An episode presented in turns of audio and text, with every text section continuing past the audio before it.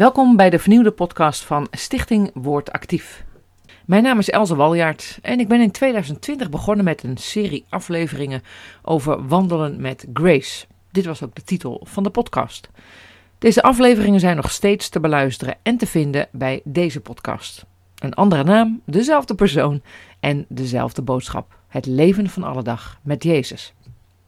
Ik ga een serie starten met onderwerpen van alle dag, waar ik zo'n 7 à 8 minuten wat over ga delen en dan afsluit met enkele vragen.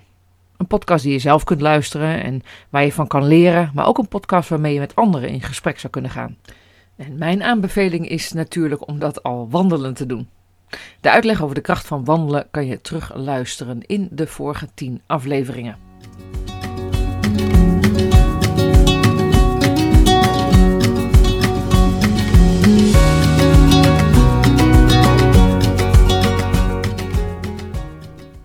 Vandaag het thema emotie. We zullen daar twee à drie podcasten over uitweiden.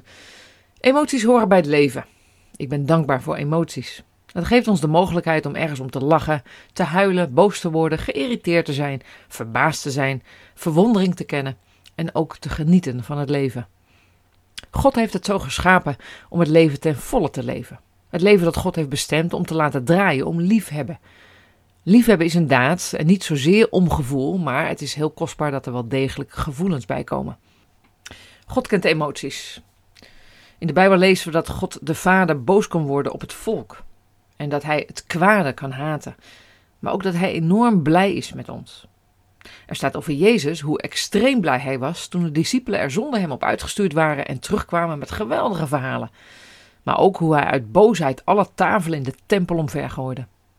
Er staat over Jezus hoe hij huilde over Lazarus en vlak voor de kruisiging extreem bang was. En ook hoe hij soms gefrustreerd was over het gedrag van de discipelen. Emoties horen bij ons en we mogen ze hebben. Het wordt een probleem als de emotie ons heeft. Als we beheerst worden door zorgen, door boosheid, door frustratie of verdriet, dan leiden de emotie ons, in plaats van dat wij controle hebben over de emoties. Vandaag de dag draait heel veel in het leven om vind ik leuk en de zoektocht naar gelukkig zijn.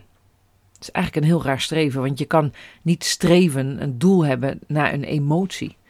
Dan weet je dat dit vroeg of laat niet uitkomt. Maar wij eisen hier een, een leven waarin alles meezit, wij ons recht kunnen halen, waarin ons vooral niets erg overkomt. Want dan lijden we en wij kunnen niet zo goed omgaan met lijden.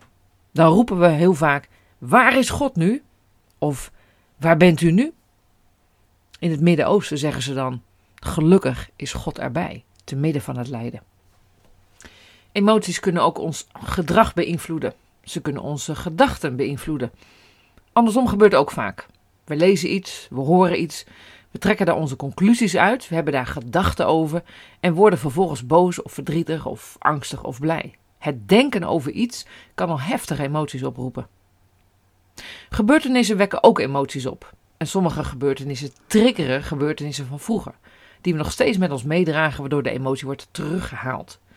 Het stapelt zich alleen op en het wordt sterker. Dat kan in het klein. Een voorbeeld. Je ergert je dagelijks aan het feit dat je zoon de deur hard dichtslaat en ondanks waarschuwingen dat blijft doen.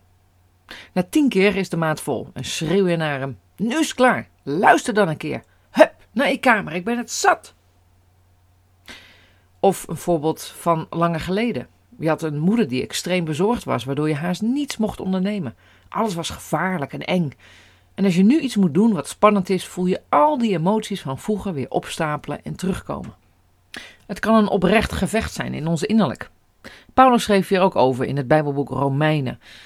Ik eh, heb gelezen vanuit de Message-vertaling, dat is een Engelse vertaling, en deze heb ik vertaald. En er staat in Romeinen 7 vanaf vers 19: Ik realiseer me dat ik niet heb wat nodig is. Ik kan het, maar ik kan het niet. Ik besluit het goede te doen, maar ik doe het niet echt. Ik besluit het niet slecht te doen, maar dan doe ik het toch. Mijn beslissingen, zoals ze zijn, leiden niet tot acties. Er is diep in mij iets misgegaan en elke keer krijgt het de overhand. Maar ik heb iets meer nodig. Einde citaat. Een innerlijke strijd met emoties die zo heftig zijn dat ze je gedrag beïnvloeden, je hele dag beïnvloeden en misschien zelfs wel je leven beheersen. Dat kan boosheid zijn, maar ook je veel zorgen maken of gefrustreerd zijn of angstig zijn, of je altijd schuldig voelen. Paulus wijst in Romeinen 7 uiteindelijk naar de oplossing en die ligt bij Jezus Christus. Jezus kan helpen met al deze weerwar van wel willen en niet kunnen en andersom. Het klinkt misschien heel eenvoudig, maar het is belangrijk om erachter te komen waarom we boos, verdrietig, bezorgd of angstig zijn. Nogmaals, een emotie is niet verkeerd. Je kan niet zeggen dat je niet boos mag worden of niet verdrietig mag zijn. Maar wat is de oorzaak? En als die oorzaak een redelijke is, is de, is de tweede vraag: wat kan je dan doen met die emotie? Als verdrietig zijn terecht is omdat iemand je in de steek heeft gelaten, is de vraag hoe je dat kan gaan verwerken. En als je boos bent omdat je onrecht is aangedaan, is ook de vraag hoe je dat kan gaan verwerken. Allereerst, het mag er zijn. En dan is de vraag: heeft de emotie jou of heb jij de emotie? En dat gaat dus niet over strikte controle, over niet te mogen voelen, maar over beheersbare emoties. Je bent nog steeds in staat om met die emoties keuze te maken die wij zijn, die gezond zijn, die vanuit het hart van God komen. Bij God mogen alle emoties bestaan en we kunnen ze met Hem delen. Zijn verlangen is om ons te midden van heftige emoties rust en vrede te geven, diep van binnen. Dat kan de Heilige Geest doen als we daarom vragen. Ik lees Filippenzen 4, vers 6 tot en met 9. Maak u nergens zorgen over, maar bid voor alles en vraag God wat u nodig hebt. Dankbaar voor alles wat Hij doet. Dan zult u de vrede van God ervaren. Een vrede die ons menselijk verstand te boven gaat. En die de wacht houdt over uw hart en over uw gedachten, omdat u in Christus Jezus bent.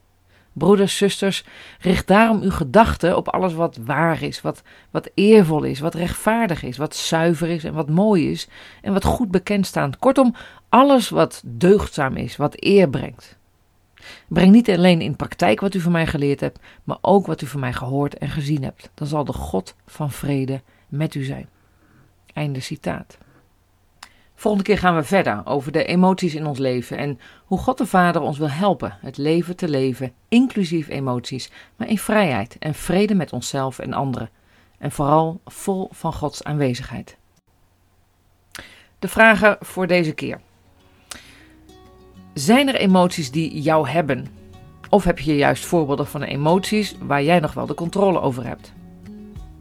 De tweede vraag: kan je erachter komen welke gedachte achter emoties zit?